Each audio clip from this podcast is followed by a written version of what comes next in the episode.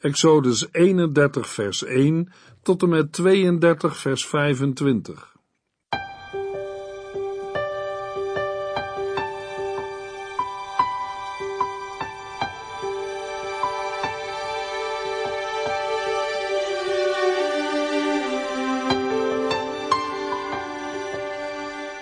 Hartelijk welkom bij De Bijbel Door, een programma van Transworld Radio.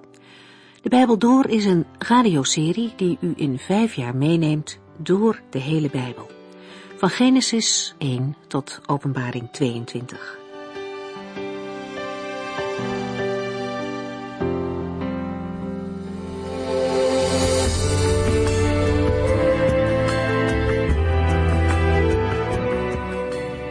We beginnen vandaag met Exodus 31. Vorige keer hebben we verschillende onderdelen van de tabernakel besproken. Het begon met het reukofferaltaar. Aaron moest hier elke ochtend en elke avond reukwerk offeren voor de Heere. De Heere voegde een belofte aan toe. Daar zal ik u ontmoeten. Dat is een prachtige belofte. Wij mensen kunnen daarnaar uitkijken om de Heere beter te leren kennen. Maar Hij, de Allerhoogste God, wil ook zo graag een ontmoeting hebben met ieder van ons. In deze tijd hebben we geen reukofferaltaar, maar de betekenis ervan is wel blijven bestaan. Het reukofferaltaar spreekt van gebed. In de psalmen zegt David bijvoorbeeld, laat mijn gebed u als een reukoffer bereiken. Wij mogen elk moment van de dag bidden. Maar het is ook goed om er een gewoonte van te maken om de dag te beginnen bij de Heere en samen met hem ook te eindigen. De priester droeg ongetwijfeld de geur van het reukoffer in zijn kleren mee als hij klaar was. Als wij s morgens bij de Heere zijn geweest met ons gebed, dan nemen we als het ware iets van hem mee. Iets van hem, de hele dag door. De omstandigheden blijven misschien hetzelfde, maar wij staan er anders in. Het leven in gemeenschap met God verandert ons. En dat mogen de mensen om ons heen ook merken. De vorige keren hadden we het over het koperen wasvat. Mensen die bij God wilden komen, moesten zich reinigen. En het wasvat was gemaakt van koperen spiegels die de vrouwen beschikbaar hadden gesteld. In onze tijd kun je zeggen dat het lezen van het woord van God ook een soort spiegel is.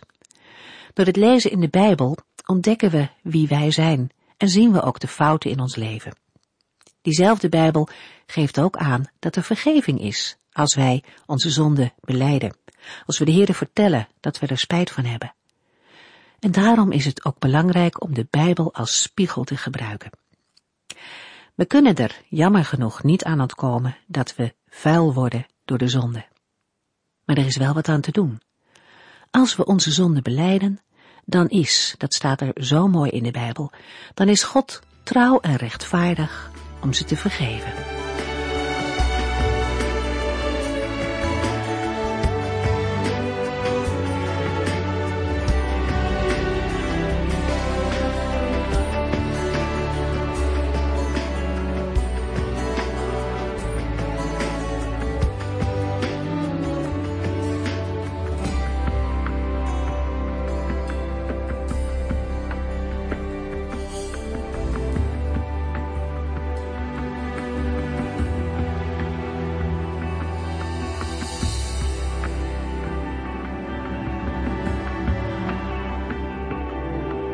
Exodus 31 lijkt af te wijken van de beschrijving en bestudering van de tabernakel.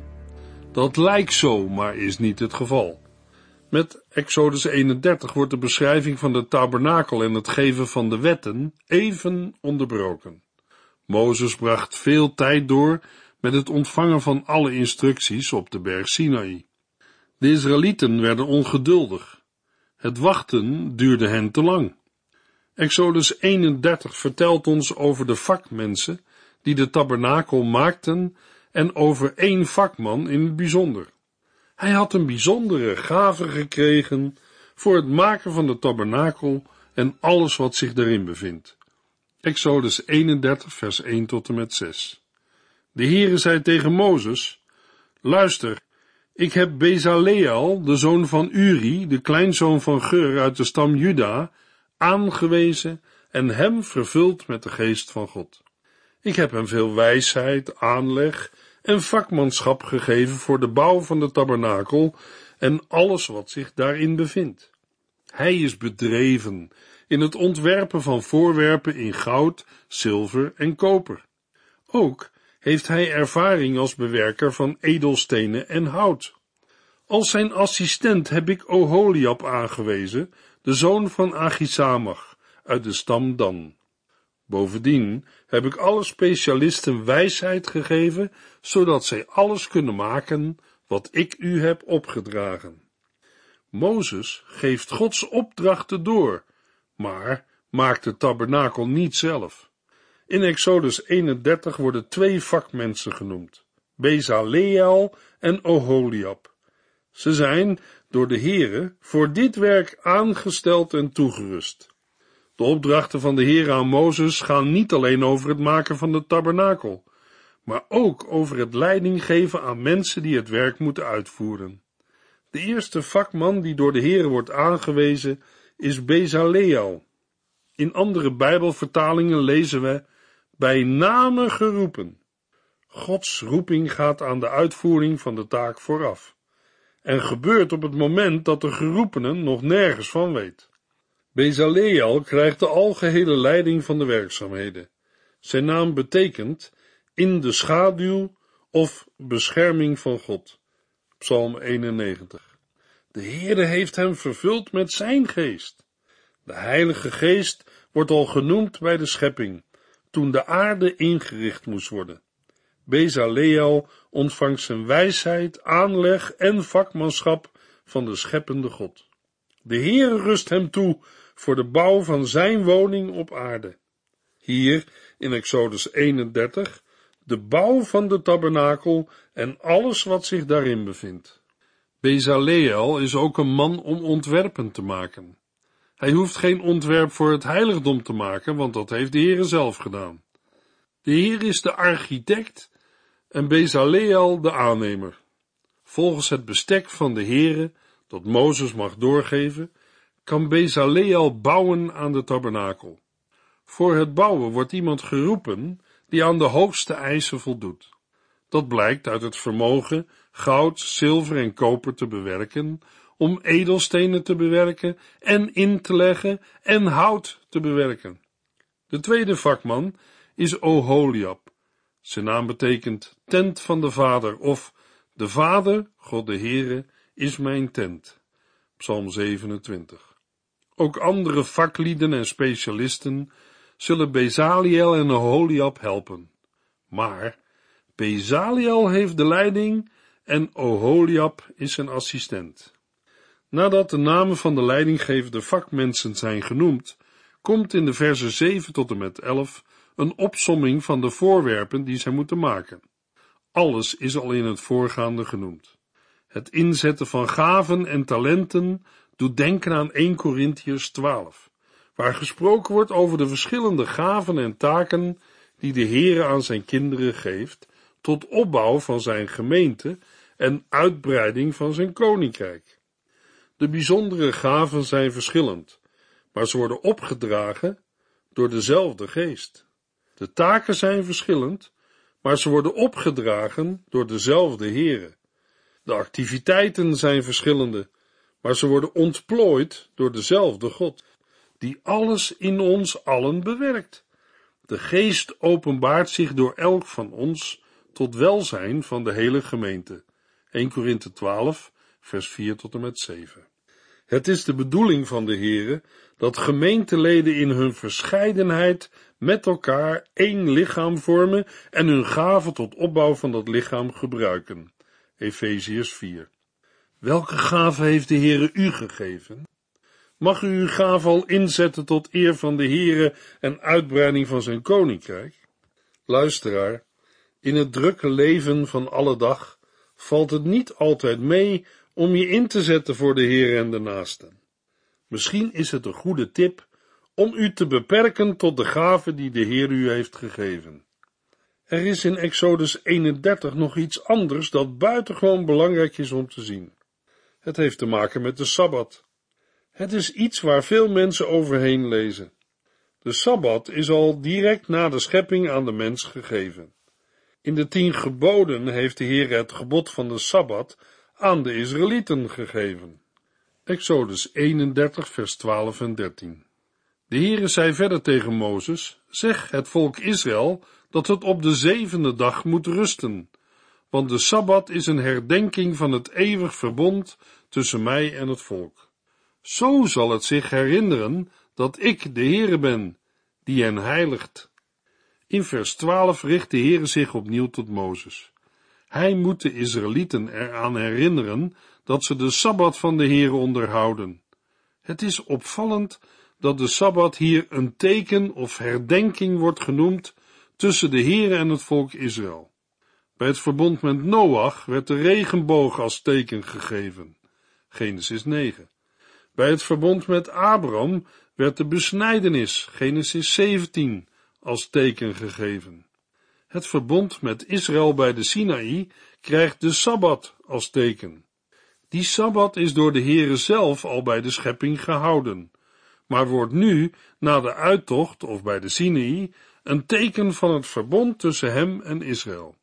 Het dient om het besef levendig te houden dat God de Heere het is die hen heiligt, hen afzondert tot zijn dienst. De Sabbat wordt voor het eerst genoemd in Genesis 2, maar wordt daar nog niet tot een instelling voor mensen gemaakt. Het is aannemelijk dat de Sabbat pas na de uittocht uit Egypte ingesteld is en daarom uitsluitend het volk Israël betrof.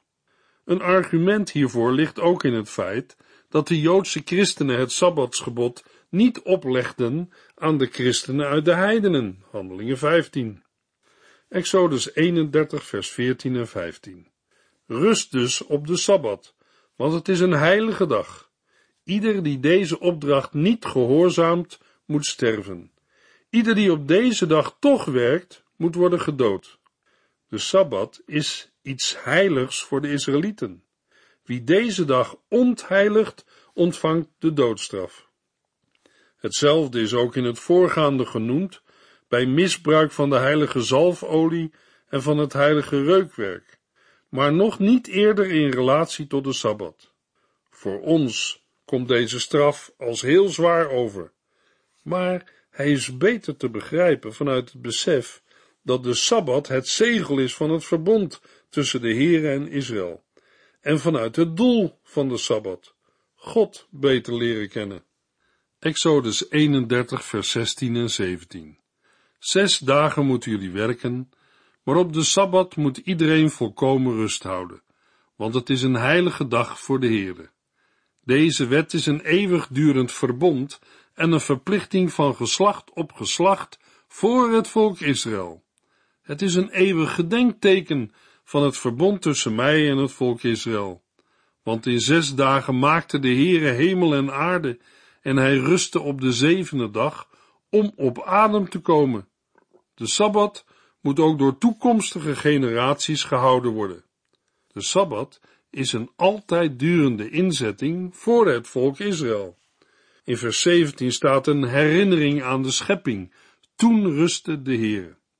Exodus 32 vers 1 Toen het volk zag dat Mozes niet direct terugkeerde van de berg, ging het naar Aaron. Vooruit, zeiden zij, maak een God voor ons, die voor ons uit kan gaan, want wij weten niet wat er met Mozes gebeurd is, die ons uit Egypte hierheen heeft geleid. Mozes is al lange tijd op de berg Sinai bij de Here. De Heere heeft hem instructies gegeven over de plaats waar hij te midden van de Israëlieten zal wonen, in de tabernakel. In de voorgaande hoofdstukken was alle aandacht gericht op het onderwijs van de Heere God. Wat er in die tijd in het kamp van de Israëlieten gebeurde, is nog niet vermeld. In Exodus 32 komt het aan de orde. Het volk in het legerkamp ervaart dat Mozes lang wegblijft en niet van de berg afdaalt. Volgens Exodus 31 vers 18 gebeurt dit uitgerekend op het moment waarop het verblijf van Mozes op de berg ten einde loopt. Het lange wachten is een beproeving, waartegen het volk niet bestand blijkt te zijn. Er komt een samenscholing die zich richt tegen Aaron, de plaatsvervanger van Mozes. Er heerst een gespannen sfeer. Dat komt tot uitdrukking in de gebiedende toon waarmee het volk tot Aaron spreekt. Daarmee geven ze blijk van ongeloof tegenover de Heere en Mozes. Het volk wil een zichtbare God en daarmee breken ze het tweede gebod. Israël mag geen afbeelding van de Heere maken. Gezien de bevelen aan Aaron lijkt het duidelijk dat ze ervan uitgaan dat Mozes dood is. Ze willen zich nu door een godenbeeld laten leiden. Dan profileert Aaron zich niet als een krachtige leider die weerstand biedt tegen de druk die het volk op hem uitoefent. Exodus 32, vers 2 tot en met 4. Goed, zei Aaron, geef mij jullie gouden ringen maar. Iedereen leverde zijn gouden ringen in, mannen, vrouwen, jongens en meisjes. Aaron smolt het goud en goot het in de vorm van een kalf. De Israëlieten riepen, O Israël, dit is de God die ons uit Egypte heeft bevrijd. Aaron geeft toe aan de wensen van het volk. Geef mij jullie gouden ringen maar. Het volk doet gewillig wat Aaron zegt. Hij neemt de ringen en smelt het goud tot een beeld. Het beeld wordt in de tekst omschreven als in de vorm van een kalf. Het is vermoedelijk van geringe omvang en geplaatst op een staak. Immers, het kan voor het volk worden uitgedragen. Het lijkt erop dat het kalf door de Israëlieten wordt gezien als degene die het volk uit Egypte heeft geleid. Aaron ziet het hele gebeuren aan en besluit een altaar voor het beeld te bouwen. Exodus 32, vers 5 en 6. Morgen vieren we een groot feest voor de Heere. De volgende morgen waren de mensen al vroeg op en brachten brandoffers en vredeoffers aan het kalf. Daarna werd er gegeten en gedronken, en ze stonden op om losbandig te dansen. Aaron bezwijkt onder de zware druk van het volk en handelt tegen zijn eigen wil in. Dat blijkt later in de versen 22 tot en met 24. De volgende dag wordt uitgeroepen tot een groot feest voor de Heere. Mogelijk heeft Aaron geprobeerd te bereiken dat het kalf zou worden opgevat als een middel om de Heere te aanbidden. Al vroeg brengt het volk de volgende dag brandoffers en vredeoffers aan het kalf. Daarna wordt er een maaltijd gehouden. Nadat ze de maaltijd beëindigd hebben, beginnen de Israëlieten te dansen. Er wordt een beeld opgeroepen van een uitbundig feest dat wordt gevierd voor het kalf. Het is niet juist aan te nemen dat hier sprake is van seksuele uitspattingen. In Exodus 32 wordt er geen één genoemd, en als ze er waren geweest, dan was dat wel gebeurd. Exodus 32, vers 7 en 8. De Heere zei tegen Mozes, ga snel naar beneden. Het volk dat u uit Egypte hebt geleid, heeft zichzelf in het verderf gestort. Ze hebben mijn wetten nu al de rug toegekeerd. Ze hebben zelf een kalf gemaakt en daarvoor geknield en geofferd. Dit is de God die ons uit Egypte heeft bevrijd. Israël, hebben ze geroepen. Op het moment dat het volk zich toewijdt aan het gouden kalf, spreekt de Heere tot Mozes. De Heere spreekt over het volk dat Mozes uit Egypte heeft geleid. Hier distancieert de Heere zich van het volk. Het volk waarmee hij enige tijd eerder een verbond had gesloten. Het volk heeft zichzelf in het verderf gestort. De reden is gelegen in het feit, ze hebben mijn wetten nu al de rug toegekeerd. Ze hebben een gouden kalf gemaakt. Aan het kalf hebben zij eer gebracht. Het wordt zelfs gezien als de bevrijder uit Egypte. Een schrijnend voorbeeld van het maken van eigen goden. Exodus 32, vers 9 en 10. Toen zei de Heere, ik heb nu gezien wat een koppig en ongehoorzaam volk dit is. Laat mij mijn gang gaan, dan zal ik mijn toorn op hen koelen en ze allemaal vernietigen. En ik zal u, Mozes, in plaats van hen tot een groot volk laten worden. Uit de rebellie van het volk trekt de Heere zijn conclusie. De Heere begint met de constatering dat het volk onverbeterlijk is. Na alles dat er is gebeurd, rebelleren ze opnieuw Het is opvallend dat de Heer in vers 10 aan Mozes vraagt, laat mij mijn gang gaan. Was Mozes in staat geweest de Heere tegen te houden? Wil de Heere Mozes ervan weerhouden om voorbidder voor zijn volk te zijn? Of wil de Heere hem met deze uitspraak juist stimuleren tot voorbeden? Zoekt de Heere hier een weg om zijn volk genadig te zijn, omdat hij de zonde niet ongestraft voorbij wil laten gaan? Er is ruimte voor een middelaar. Het middelaarschap veronderstelt dat het plan van God veranderbaar is. Dit lijkt tegenstrijdig te zijn met het leerstuk dat de Heere de onveranderlijke is. Maar deze tegenstelling is een valse tegenstelling. De Heer is onveranderlijk in de zin dat hij niet liegt. 1 Samuel 15 vers 29. Maar de Heere reageert wel op het gebed. De Heer overziet enerzijds de loop van de geschiedenis en laat zich anderzijds toch verbidden door degene die hem met een oprecht hart zoeken. Wat zal Mozes gaan doen? Exodus 32, vers 11 tot en met 13. Maar Mozes smeekte God dat niet te doen. Heere drong hij aan, waarom zou u uw toorn koelen op uw eigen volk, dat u uit Egypte hebt bevrijd, met veel machtsvertoon en grote wonderen? Wilt u dat de Egyptenaren later zeggen, hij heeft het volk naar de bergen gebracht om het te kunnen vernietigen en van de aardbodem weg te vagen? Vergeet uw toorn toch en straf het volk niet. Denk aan uw belofte aan uw dienaren Abraham, Isaac en Israël, want u hebt hun zelf gezworen. Ik zal uw nakomelingen zo talrijk maken als de sterren aan de hemel, en ik zal hun dit hele land, waarover ik heb gesproken, en wat ik aan uw nakomelingen heb beloofd, tot een eeuwig bezit geven. Na deze aankondiging smeekt Mozes de Heere dat niet te doen. Mozes voert een pleidooi, waarin hij redenen aandraagt die tot doel hebben het aangezicht van de Heere zacht te maken, de Heere van zijn voornemen af te brengen. Mozes wijst de Heere op de grote inspanning die de Heere zich getroost heeft om Israël uit Egypte te bevrijden.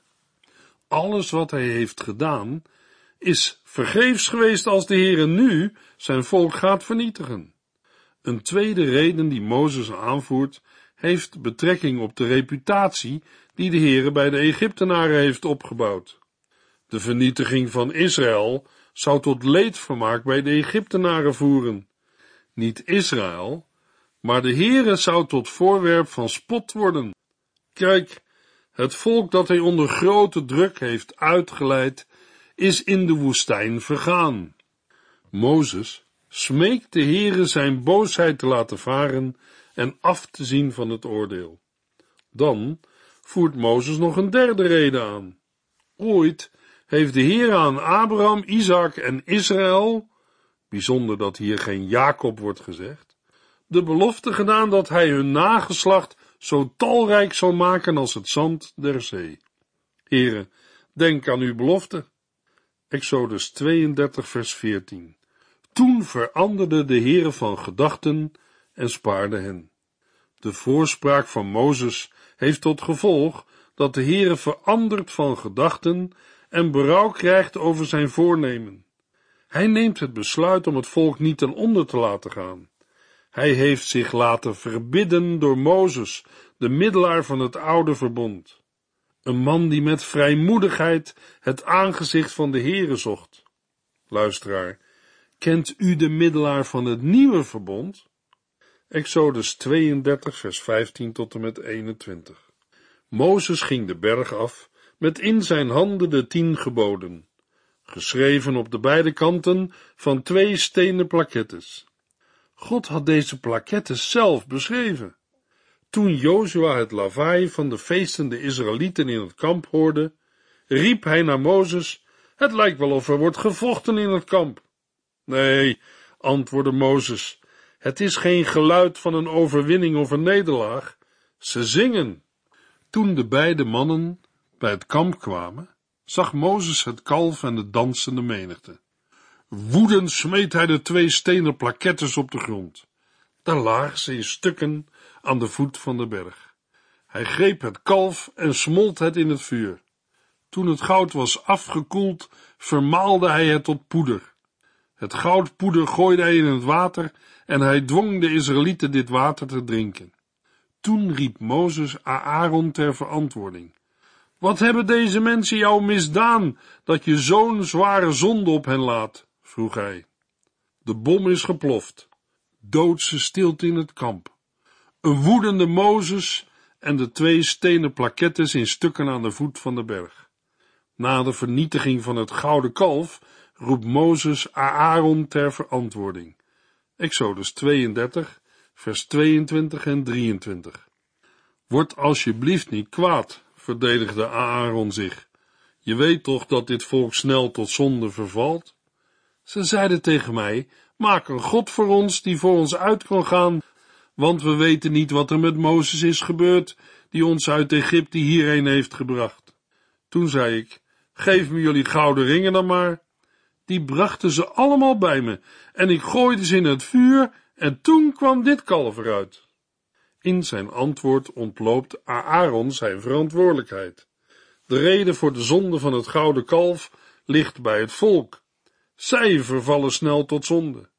Daarom vraagt hij Mozes zijn boosheid te laten varen. Daarna beschrijft Aaron wat het volk hem heeft gevraagd. Hij probeert zijn bewering dat het volk zondig is te onderbouwen. Het volk wilde een godenbeeld omdat ze dachten dat Mozes was gestorven. Dan beschrijft Aaron hoe iedereen bereidwillig hun sieraden hadden afgestaan. Zijn eigen rol zwakt hij af met de woorden: Ik gooide ze in het vuur en toen kwam dit kalf eruit. Bijna als vanzelf. Bijna klinkt als: Wat kan ik eraan doen? Zijn houding tegenover het volk staat haaks op die van Mozes. Aaron probeert zijn eigen verantwoordelijkheid te ontlopen en beschuldigt het volk. Mozes vraagt om vergeving voor het volk. Exodus 32, vers 25. Toen Mozes zag dat het volk zichzelf en zijn God kwijt was, door de aanbidding van het kalf, op aanmoediging van Aaron en tot leedvermaak van hun vijanden, ging hij bij de ingang van het kamp staan en riep luid, laten zij die voor de heren zijn bij me komen. Toen kwamen alle levieten bij hem staan. Hoe zal deze situatie aflopen? Daarover meer in de volgende uitzending.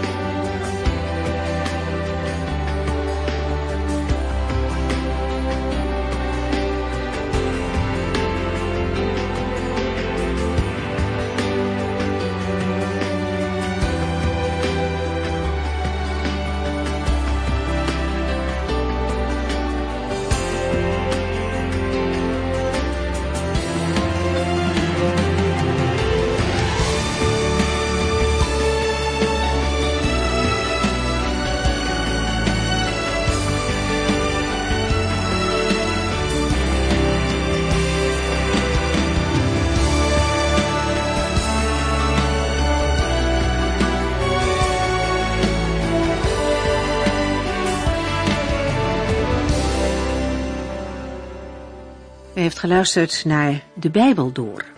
In het Nederlands vertaald en bewerkt door Transworld Radio. Een programma waarin we in vijf jaar tijd de hele Bijbel doorgaan. Als u wilt reageren op deze uitzending of u heeft vragen, dan kunt u contact met ons opnemen. Tijdens kantooruren kunt u bellen op 0342 47 8432. 0342 47 8432. 32. Ook kunt u een e-mail sturen naar de Bijbel transworldradio.nl en natuurlijk kunt u ook via de post ons bereiken. TWR, postbus 371, postcode 3770, AJ in Barneveld. Dit programma werd gepresenteerd door Cor Weda en Ike André. Techniek was in handen van Odin van Woerdekom. En wij allemaal bedanken u voor het luisteren. Graag tot de volgende keer.